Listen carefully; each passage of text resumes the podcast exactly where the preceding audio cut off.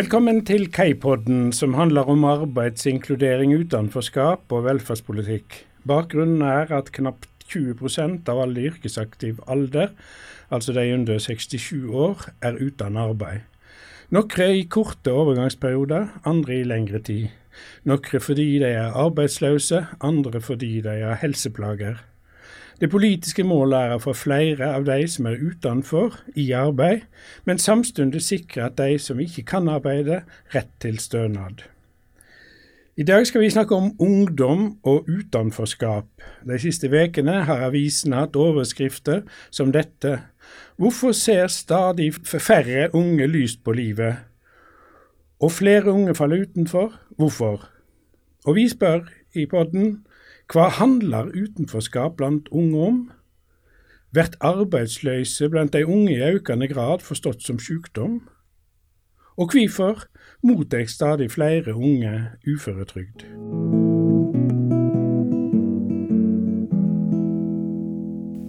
Med meg i studio i dag er Simen Markussen, seniorforsker og nestleder ved Frischsenteret.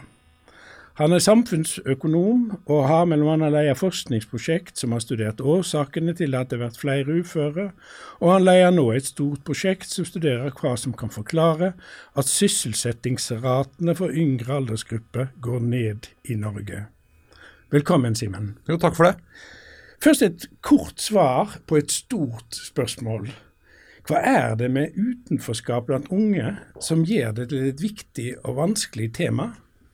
Ja, det, det, er jo et stort, spørsmål. Men sånn, som, som, økonom så kan jeg kanskje begynne med det mer sånn samfunnsøkonomiske. Og, og det er at si, velferden vår eh, bygges av at vi jobber og deltar i arbeidslivet.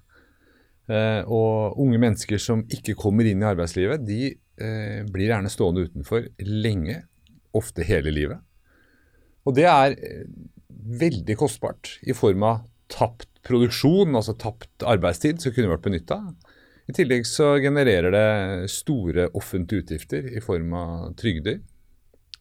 Så økonomisk så er det rett og slett veldig kostbart, dette utenforskapet. I tillegg så er jeg også redd for at det skaper si, manglende samhørighet i et samfunn. At det på en måte rokker ved noe av det limet som skal bygge og holde samfunnet sammen. Når noen føler eh, noen blir stående utenfor, og i mindre, på en måte ikke får være del i den eh, festen, da, i mangel av et bedre ord, som vi andre får lov til å være med på.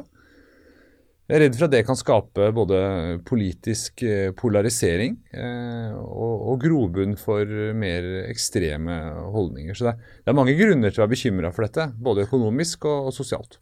Men eh, kan det, disse unge vil jo da kunne få arbeidsfrie inntekter i form av trygder. Er ikke det et godt liv? ja, jeg eh, tror ikke det. Jeg tror vi mennesker eh, har et behov for uh, å føle at uh, det er bruk for oss. Uh, og, og, Derfor tror jeg det er viktig å få lov til å, å delta i arbeidslivet så langt det lar seg gjøre. Og Så vil det selvfølgelig alltid være sånn at det er noen som ikke kan delta i arbeidslivet. og Det må vi ha respekt for. Og Det er noe av grunnen til at vi har trygdeordninger. Men jeg tror mange flere kan delta enn det som er tilfellet i dag. Vi skal komme tilbake til disse spørsmålene, men først litt om hvem vi snakker om når vi snakker om ungdom og utenforskap. Vi snakker altså først og fremst om de som er under 30 år, og vi snakker om de som ikke er i utdanning, altså varig utdanning eller i arbeid, eller som er på arbeidsretta tiltak. Og, i Norge i dag så snakker vi vel om en 110 000 mennesker, stemmer ikke det? Jo, det stemmer sikkert. Ja. Eh, om vi ser dette i litt sånn tidsperspektiv, eh, står jo overfor en vekst her. Er det en økende andel av de unge som kommer i denne kategorien? Eh, ja, det er mitt inntrykk. Eh, og jeg pleier å si når jeg holder foredrag om dette, her, så pleier jeg det, begynner, det er sånn alderstegn dette her, at jeg begynner å se på, på måte, hvordan samfunnet utvikler seg mens jeg har vært yrkesaktiv. Da skjønner jeg at jeg begynner å bli gammel. Men når jeg starta eh, på dette feltet i 2006 med en doktorgrad på Frysenteret, så jobbet jeg med sykefravær. og på det tidspunktet så var på en måte den store utfordringen det, det var For å være litt karikert, da. Det dreide seg om damer på 55 år med vonde nakker og skuldre som forsvant fra arbeid over i sykefravær og ut av arbeidslivet. Den bekymringen er ikke like pressende lenger. I den forstand at trygdetallene blant den eldre delen av arbeidsstyrken de går nedover. Flere, stadig flere står i jobb. Folk jobber lenger og lenger. Og det er ikke bare pensjonsreformen, det har pågått i 20 år omtrent. Det som derimot har utvikla seg liksom gradvis over lang tid, det er at det, det, ser ut som stadig flere unge sliter med å komme inn i arbeidslivet. Eh, og, og, og, sånn sett så er det en økende utvikling. Eh, ikke liksom dramatisk fra år til år, men over en lang periode så, så akkumulerer det seg og, og, og blir et stadig større problem. Har pandemien forsterka denne prosessen, eller hvordan har den virka inn på ja, Det er litt tidlig å si, men det er, jeg er villig til å sette en flaske vin på at det har det. Eh, men det veit vi ikke helt ennå. Veit man noe? Vi veit nok noe. Vi ser at uh, eh, f.eks. har eh, økningen til arbeidsavklaringspenger, eller inngangen til arbeidsavklaringspenger økt. Det finnes en del statistikk etter alder og sånt fra Nav som er oppdatert. Uh, så vi ser nok noe tegn til det, men det er, det er liksom litt tidlig. Vi, har, vi, har, ikke klart, vi har ikke fått data som er ferske nok til å studere dette mikrodata ennå. så jeg skal være liksom litt forsiktig med det. Men det er klart at hvis vi har f.eks. sett på at de som, de som var ledige før pandemien, de sleit naturlig nok enda mer. Altså, de skulle da søke jobber i et beintøft arbeidsmarked som var nedstengt mm. våren 2020. Og vi ser at selv om si, akkurat nå så er jo etterspørselen etter arbeidskraft skyhøy, og ledigheten er eh, veldig lav, egentlig, tilbake på normalnivå. Men blant den beholdningen av ledige nå, så er det veldig mange som har vært ledige veldig lenge. Så det er en viss fare for at, at uh, en del av dem uh, kanskje aldri kommer tilbake til jobb. Jeg er i hvert fall redd for det. Jeg tenker at det er, det er verdt å sette inn litt ekstra innsats der. Altså Utenforskapet har selvfølgelig da sammenheng med arbeidslivet, men henger det også sammen med utdanningssystemet på en eller annen måte? Det tror jeg helt sikkert. Altså, jeg kan si jeg har vært med på å gjøre mye studier av Vi har forsøkt å se på dette på ulike måter i data. Og Da, da er det noen ting som, som, henger veldig tett sammen. Uten, og Så skal man være litt forsiktig med å si liksom hva som er årsak og hva som er virkning her. Men de, som, de unge som sliter med å komme inn i arbeidslivet, de har veldig ofte ikke fullført videregående skole. Mm. Eh, de har ganske ofte gjort det dårlig på grunnskolen også. De kommer veldig ofte fra hjem helt nederst i liksom inntektshierarkiet. Fra, fra, fra, det, altså de har hatt foreldre som har tjent veldig dårlig. Da. Eh, og de har veldig ofte psykiske lidelser. Mm. Og Disse tingene henger sant, på en eller annen måte sammen. Ja. Er det lett å tenke, i hvert fall. Uh, og helt hva som forårsaker hva, er ikke så lett å vite. Uh, men at det har mye også med utdanning å gjøre, det tror jeg er ganske, ganske klart. Altså. Eller manglende utdanning. Mye, det ser jo litt ut som i arbeidslivet nå som at, sånn at, videregående opplæring blir i større og større grad en slags eh, inngangsbrett for å komme inn i jobb. Ja. Det er ikke sånn at det er umulig å få jobb hvis du ikke har videregående. Altså, det er det ikke. Det er overlivet. For det er, det er, mange av de som ikke har videregående, som kommer seg i jobb. Heldigvis er det et flertall. Ja. Men det ser ut som det blir stadig vanskeligere. Men det, det ser jo allment ut som at, det, stadig flere unge sliter i, i ulike betydninger. Altså, mm. Det kom jo denne studien som uh, som Hellevik og Hellevik uh, har publisert, som vel bygges på, på spørreskjemadata, men hvor de, hvor de tegner et bilde av at uh, livskvaliteten til de unge over tid har gått ned? Altså, Hvordan mm. skal vi forstå det? Nei, det, det er veldig interessant. Altså, på, langs veldig mange indikatorer, for å begynne med det, da, så, så, så bekreftes det du sier. Altså, mm. Hvis du ser på andelen som får psykiske diagnoser, f.eks., mm. øker og økt ganske mye. Mm. Andelen som får behandling, andelen som tar medisin. Mm. Eh, og da i mer spørreundersøkelser, om det er Ungdata eller Norsk mm. Monitor, som Hellevik brukte, så er det stadig flere som måtte uttrykke bekymring og er har, skal jeg si, svarer på noe som kanskje kan tenkes på som depressive symptomer eller angst eller altså, den type ting. Spørsmålet er jo hvorfor, da. Og der er det veldig vanskelig Dette er jo ikke mitt fagfelt, eh, men jeg, innimellom så spør jeg folk som har det som fagfelt. Men jeg sliter med å få noen veldig klare svar. Altså, jeg har ikke inntrykk av at man helt veit det, det, det enkle spørsmålet vi lurer på, er type har, det blitt, eh, har denne type psykiske lidelser blitt vanligere, eller av, ser vi bare mer av isfjellet nå enn det man gjorde før? Er det slik at de unge sine utfordringer i økende grad blir forstått som sykdom, og da primært som psykisk sykdom? Ja, altså Det er jo veldig vanskelig å, å svare på det på en sånn måte at det Jeg vet jo ikke svaret. Men jeg tror det. Eh, jeg tror vi kanskje oftere setter en eh, diagnosemerkelapp på, eh, på ting man kanskje før tenkte på som mer skal jeg si, vanlige hverdagslige problemer.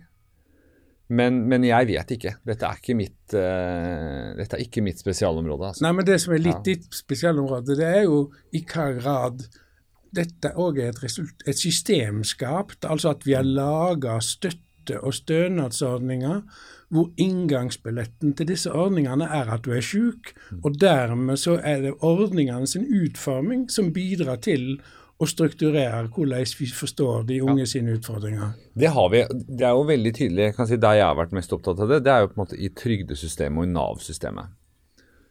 Eh, og der er det jo helt klart sånn, vil jeg si. I den forstand at hvis du er eh, altså hvis, hvis, du mangler jobb i Norge og trenger noe å leve av, eh, så har du jo tre alternativer, kan du si. Altså, du kan, du kan uh, bruke dagpengesystemet og være arbeidsledig. Det er jo det vanlige. Uh, men det er jo et system som kun er for de som har vært i jobb og har mista jobben. Mange av disse unge har jo aldri vært i jobb, så de har ikke noe inntektsgrunnlag. I tillegg så er det midlertidig ytelse. Så har du sosialhjelp. Som jo er en, på mange måter en ganske sånn fornedrende tilværelse. Og så har du da arbeidsavklaringspenger, som krever at du er syk. Og det, For mange så er nok det den eneste liksom, skal jeg si, mer stabile, varige løsningen da, med arbeidsavklaringspenger og uføretrygd. Og da kreves det en diagnose. Uh, og da er det jo lett å tenke seg da, at her er det et, er det et insentiv for å, for, å, for å få en diagnose. Det er det både fra den enkeltes del, men det er det strengt tatt også på mange måter fra kommunen og Nav-systemets del, i hvert fall den kommunale delen av Nav-systemet. for Da skyver man også regninga for denne ytelsen fra sosialhjelp som er kommunal, over til arbeidsavklaringspenger og uføretrygd som er statlig. Så Det ligger på en måte noen sånne systemskapte insentiver her til eh, til en form for mm, medikalisering, da, kan du si. Ja, ja. Men hvis målet er og fått disse i arbeid, er ikke dette en omvei uh, på veien til arbeid? Altså, er ikke, er ikke det, det er jo ikke gitt at det at de får en diagnose uh, øker farten inn i arbeidsmarkedet. Nei, på, på ingen måte. Tvert imot, antagelig. jo, jeg tror det er en omvei. og jeg, mener egentlig at man burde legge om dette systemet. At vi på en måte synes at det virker unødvendig å ha et et system som er betinget på diagnose. Jeg tror i praksis at uh, de fleste som har behov for det, kommer seg inn i disse systemene på en eller annen måte. Etter mye krangling og om og men. At man heller burde hatt et, uh, et trygdesystem som tok utgangspunkt i at man mangler inntekt. Ja. Uh, og fikk hjelp til å til hjelp til inntektssikring og hjelp til å finne tilrettelagt arbeid. Ja. Det burde på en måte være basisen i, i, i trygdesystemet vårt, uavhengig av eh, diagnose og arbeidsevne. Det fikk man heller ta hensyn til i, underveis. da. Men, men, det er jo en langt større omlegging. altså. Men, men, den type systemskapte insentiver Dette kan jeg ikke nok om, men, men du har jo disse også før eh, trygden er aktuell. ikke sant? Mm. For det vil være Vi husker f.eks. Tolga-saken. Mm en veldig spesiell sak. Eh, men det kommer frem i kjølvannet av den at, at det fantes det fantes jo til og med så vidt jeg husker, konsulentbyråer som jobbet med å på en måte hjelpe kommuner med å få reklassifisert personer, slik at de utlyste mer statlige ytelser, f.eks. Mm. Så, så den type insentiver ligger flere steder i systemet, fordi diagnoser utløser eh, penger. Mm. Eh, og det er eh, ikke altfor vanskelig å tenke seg at det kan ha noen uheldige bivirkninger. da. Ja, vi skal snakke litt mer om det. fordi Sammen med din forskerkollega Knut Rød så har du i en studie påvist at det er store skilnader mellom norske kommuner i hva grad de utgreier eller behandler psykiske lidelser mellom barn og unge. Eh, og at dette trolig varierer mer enn det innbyggersammensetninger skulle tilsie. Og Intuitivt så kunne en da tenke seg at problemet her er at det er en del kommuner som henger etter i måten de følger opp de unge på. Men slik jeg leser dere, så er det snarere opptatt av at for stor grad av diagnostisering og behandling har uheldige konsekvenser. Mm. Hva, er resonnementet bak dette? Ja, nei, ut, Utgangspunktet vårt er da at vi forsøker å se på si, omfanget av eh, psykiske diagnoser blant barn og unge eh, rundt omkring i landet. Og så øh, finner vi da at dette varierer ganske kraftig mellom norske kommuner.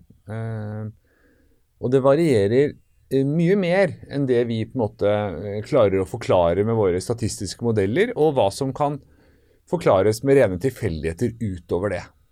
Så er det viktig her å, å si at det, er klart at det er veldig mange ting vi ikke observerer ved disse barna eh, og disse kommunene, som også kan forklare dette, denne uforklarte variasjonen. Så på en måte, Man skal være litt forsiktig med å gå direkte fra at det er masse, masse variasjon vi ikke forklarer, til å si at det er på en måte en, en, en praksisstil der ute som, som, forklarer alt. Da. Det kan være andre ting. Men Det var etterholdende. Ja. Men hva er det dere finner? Det vi finner, det er det første vi gjør. Vi finner da at det er mye, mye uforklart variasjon. Ja. Punkt to så prøver vi da å se i hvilken grad denne uforklarte variasjonen, det som vi tenker på som praksisstil, da, grad av liksom lokal medikalisering eller mangel av det, om det henger sammen med utfall for disse barna. Hvordan disse barna gjør det på skolen eh, og tidlig i arbeidsmarkedet. Og der, eh, der finner vi da at eh, de stedene med eh, høy grad av medikalisering, der gjør disse barna det vesentlig dårligere. Eh, og igjen så er det på en måte man skal være liksom, Dette skal tolkes med litt forsiktighet, så jeg har ikke lyst til å på en måte være altfor hard på det. For det er, dette er vanskelige spørsmål å studere. ikke sant? Og det er mye usikkerhet. Men skal man ta, liksom, skal man ta resultatene bokstavelig, så, så, sier jo de da at, at denne formen for uh, medikalisering er uheldig for de barna som i hvert fall er si, i en slags gråsone. da. Sånn, her kan vi jo tenke oss at de fleste sånne psykiske lidelser, i hvert fall mitt inntrykk, eh, forstås etter hvert mer og mer som et slags spekter. Mm. Det er fra på en måte veldig klare, alvorlige tilfeller til lettere tilfeller. Mm. Men dere finner ja. at, altså at, at disse kommunene som, som har en, eh, altså en, relativt høy innsats her, også har de unge lavere sjanse for å komme i arbeid. Mm. Og det finner også at uh, det er en høyere risiko for mottak av trygder mm. blant de voksne. Så, ja, når de er voksne, ja. ja, ja. At når de blir voksne? Ja, akkurat. Ja. men enda mer. Så, så, det er jo noen interessante sammenhenger her, selv om det er mange atterhold ute og det, er jo liksom sånn motsatt av hvordan vi kanskje tenkte om disse mm. sammenhengene. Ja, altså, ikke sant? Poten, det er potensielt veldig interessante sammenhenger som sier oss at som sier at uh, sånn tatt, tatt bokstavelig, at det er en, eh, et, en viss grad av overbehandling, da, kan man si, som er uheldig. Ja. Men så skal man være litt forsiktig, så jeg har ikke lyst til å liksom eh, være altfor hard på det. Eh, det. Her trengs det rett og slett mer studier, men det er veldig vanskelig å Det er vanskelige spørsmål å studere ja. på en veldig troverdig måte. Det er ikke så lett å lage eksperimenter her, tror jeg. Nei. Eh, selv om det hadde vært veldig interessant. Ja. Så spørs det om det hadde passert en etisk komité. Ja, nei, det, jeg er enig, det er veldig interessant. det, Vi har snakket, uh, sveipa innom tidligere at uh, disse unge i utenforskap har et vanskelig forhold til arbeidsmarkedet. Er, det slik at generelt at unge mennesker har lavere sysselsettingsgrad nå enn de hadde for åtte-ti år siden. Altså, Ja, er, sånn er det. Uh, og for menn så er det egentlig en langsiktig trend som du ser helt tilbake til 70-tallet. Litt sånn opp og ned med noen konjunkturer, ikke sant? Men hvis du måtte, tar ut sysselsetting for eh, si 30-åringer, da. Er, folk i 20-åra er litt vanskelig å sammenligne, for der deltar det stadig flere i utdanning. Og det er jo ønskelig. ja. Men, men la oss si 30-35, da. Så vil du se at det har vært et langsiktig fall, litt varierende med konjunkturer, men du kan nesten legge på en linjal fra 70-tallet fremover. For kvinner så, så er det annerledes, for her har det skjedd to ting på en gang. Her har jo, hadde man jo en massiv økning i kvinners yrkesdeltakelse. som Starta kanskje på 70-tallet, kanskje starta det litt før. Da, tallet startet på, start på 70-tallet ofte.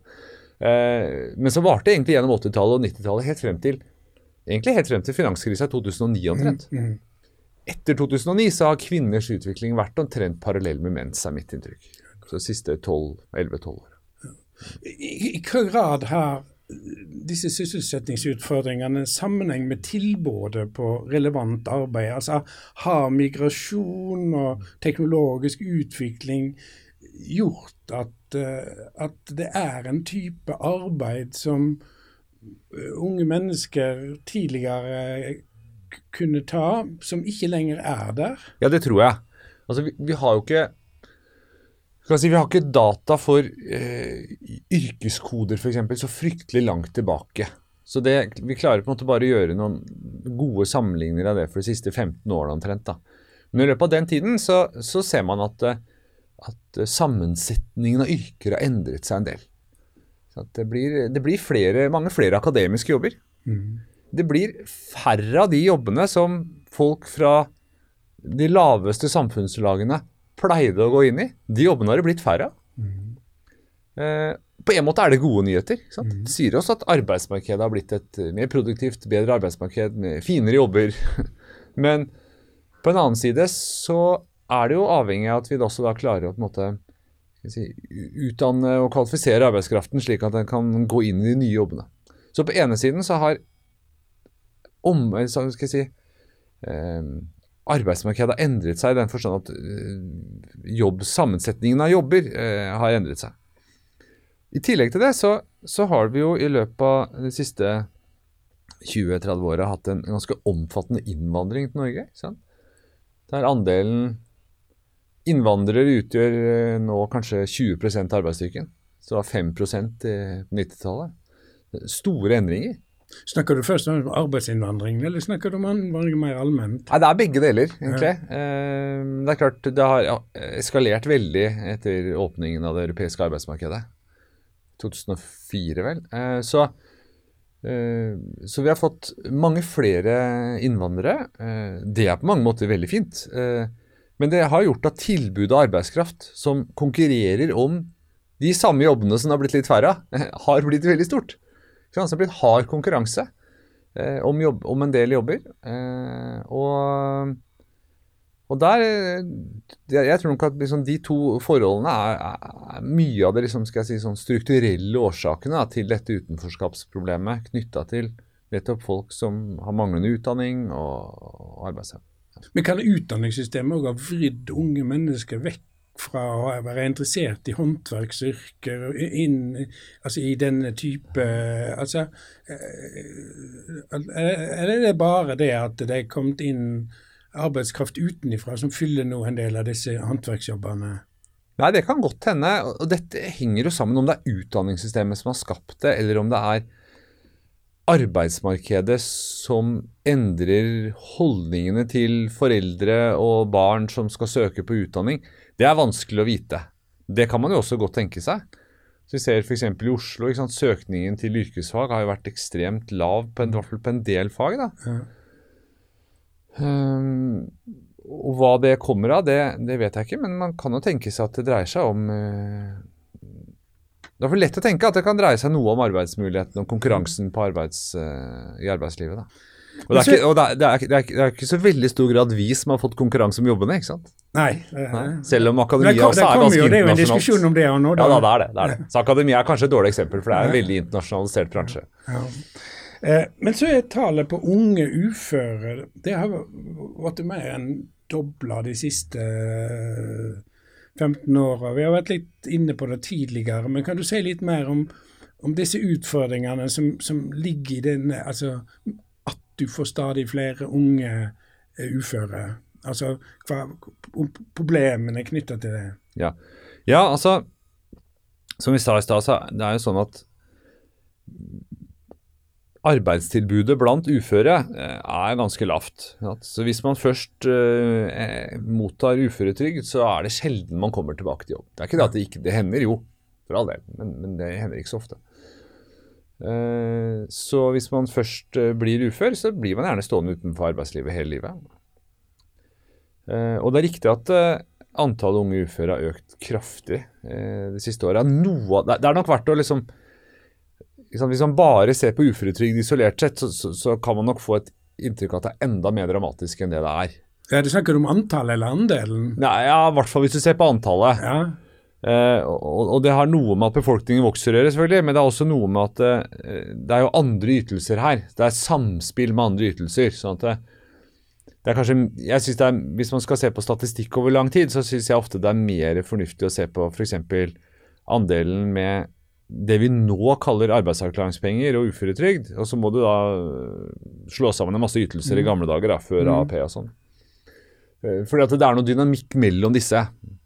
Men, men, nesten uansett hvordan du ser på det, så har det vært en, en, en god del økning. Men ikke så dramatisk som tallene de siste årene. da.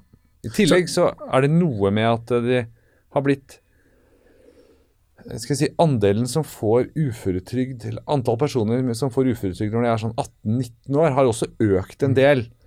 Uh, og det driver også noe av tallene. Og, og, der er jo kanskje forklaringene litt annerledes, da. Så det vil jo ofte være personer som har veldig alvorlige lidelser. Mm. Uh, det skal i hvert fall være det. Uh, noe av det skyldes kanskje Man har spekulert i, i hvilken grad det skyldes økt overlevelse, f.eks., med alvorlige sykdommer og sånne ting. Eh, og der Dette er jo på en måte et spørsmål som jeg tenker at det empirisk sett går an å gi gode svar på. Altså dekomponere de ordentlig. Men eh, jeg har ikke det i hodet, altså, så jeg vet ikke helt hvordan det er. Men, men det er vel like sånn at den mest vanlige diagnosen hos de unge som får uføretrygd, er psykiske uh, lidinger. Mm. Så det, det, som jeg lurer på, det er hvorfor uh, du får denne veksten i unge uføre når det stadig blir argumentert for at psykiske lidinger lar seg godt sammenligne med det å være i arbeid. Det er ikke noen motsetning å ha psykiske plager eller lidinger og det å være i arbeid, men, men det ser i praksis ikke slik ut. Nei, det er, veldig, det er et paradoks. Altså, arbeid og deltakelse og aktivitet det tenkes jo Eh, nesten på som medisin ikke sant? Ja. for psykiske lidelser. Ja. Og til tross for det, ja. så blir det sånn som dette. Og det er eh, rart. Det eh, Hvorfor det er sånn, eh, det vet jeg ikke. Jeg vil tro at det er sånn fordi at man i Nav, eh, når man vurderer mulighetene for uføretrygd, så ser man egentlig på mulighetene for å få arbeid. Mm. Uh, gitt de helseplagene man har og, og, sånn. Og de arbeidsmulighetene er veldig dårlige, ja. ser det ut som. Og så ender man opp uh, med en uføretrygd. Selv om det antagelig er dårlig medisin da, for en del av disse, skal vi tro på forskningen. Men jeg, jeg, har lyst til å trykke litt mer på dette. her, mm. fordi at I denne perioden som vi snakker om nå, så har jo styresmaktene sett i verk flere ulike tiltak som er retta mot de unge, f.eks. inkluderingsdugnaden som er retta mot de med såkalt hull i, i, i CV-en. Mm. Uh, og, og, og, og, det som undrer meg, det er liksom hvorfor fører ikke disse tiltakene til at tilstrømminga til uføretrygda går ned? Altså, hva, hva er grunnen? Det er jo mye symbolpolitikk, dette her. da. Altså, Sånn som inkluderingsdugnaden er jo i mine øyne ganske tom for innhold. Uh, så det at det ikke skaper de store samfunnsendringene, det syns jeg ikke er så veldig overraskende. Mm. Det hva, hva, hva rolle har arbeidsgiverne i dette? her? Altså, hva, eh, altså, er det slik at arbeidsgiverne er eh, skeptiske til å tilsette folk som har eh, noen plager? Eller, altså, Ja, det tror jeg. Det tror jeg det er. Og det tenker jeg at eh, kanskje ikke er så rart. Altså Jeg tenker i hvert fall at arbeidsgivere her, de vil jo gjøre det som på sett og vis er eh, mest fornuftig for dem, da. Og, og sånn, som, eh, sånn som systemet vårt nå er utarbeida, med mindre man får lønnstilskudd, så er det jo sånn at du krever på mange måter at den ansatte Hvis du skal ansette en person med nedsatt arbeidsevne, så du, er det mulig å kombinere trygd og arbeid, men i praksis så må du da på en måte få full lønn de dagene du jobber, og altså være fullt ut produktiv. Hvis du ikke er det, så er det en dårlig deal for arbeidsgiver. Og Det er jo noe av logikken bak dette forslaget som nå dette sysselsettingsutvalget har gått inn for, i hvert fall flertallet av det, altså dvs. Si alle unntatt LO eh, med det de kaller trygdejustert lønn, der arbeidsgiver skal få mulighet til å faktisk betale en lavere lønn, og så skal trygden spe på med resten for personer med nedsatt arbeidsevne. Og Hensikten da er jo på en måte å ta arbeidsgivers perspektiv på alvor og si at eh, arbeidsgiver må på en måte, for at arbeidsgiver skal villig til å ansette en person, så må han få det han betaler for. Og da må han, når, når, når han får en, da, en person med presumptivt eh, lavere arbeidsevne, så må han faktisk også få lov til å betale en lavere lønn. Og Det, det håper jeg og tror kan, kan øke etterspørselen etter denne arbeidskraften. Man må på en måte ta på, man, jeg tror man må ta på alvor at det er jo For den enkelte arbeidsgiver så er dette her et, eh, er det også et regnestykke. da. Så selv om man er aldri så idealistisk, så skal man også få butikken til å gå rundt. Men Mitt siste spørsmål det er at hvis vi tar en hypotetisk situasjon, det var at du fikk tilbud om et godt vikariat som arbeids- og inkluderingsminister. Hva, hva slags virkemidler ville du ha satsa primært på for å ta tak i disse eh, utfordringene knytta til ungdom og utenforskap som jeg har snakket om? Det- jeg tror egentlig jeg ville grepet fatt i formuleringen om aktivitetsreform som står i Hurdalsplattformen. For den er kjempeambisiøs. Eh, Jeg er veldig spent på om regjeringen får det til.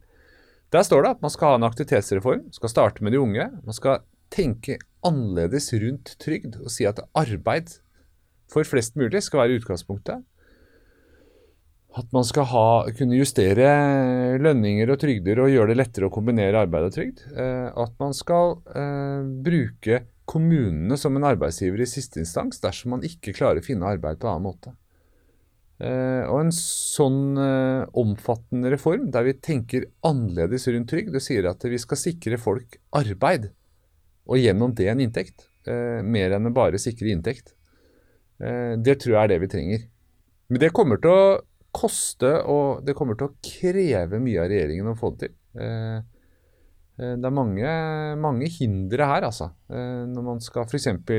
omgå kvalifikasjonsprinsippet i ansettelser i offentlig sektor og sånne ting. Så, så det blir krevende, men det tror jeg jeg ville prøvd å tatt på alvor hvis jeg skulle fått en sånn rolle. Nå er det, føles det ganske virkelighetsfjernt, men like fullt. Vi må dessverre stoppe her. Det var interessant å snakke med deg. Takk for samtalen, Simen Markussen, seniorforsker ved Frischsenteret. Takk for invitasjonen. Simen Markussen deltok i mange forskningsprosjekt og publiserer flittig. Mer informasjon om dette finner du på nettsida til Frischsenteret ved Universitetet i Oslo. Du har hørt på K-podden, der Lars Inge Terum er vert. Når jeg ikke er i dette studio, er jeg professor emeritus ved Oslo OsloMet.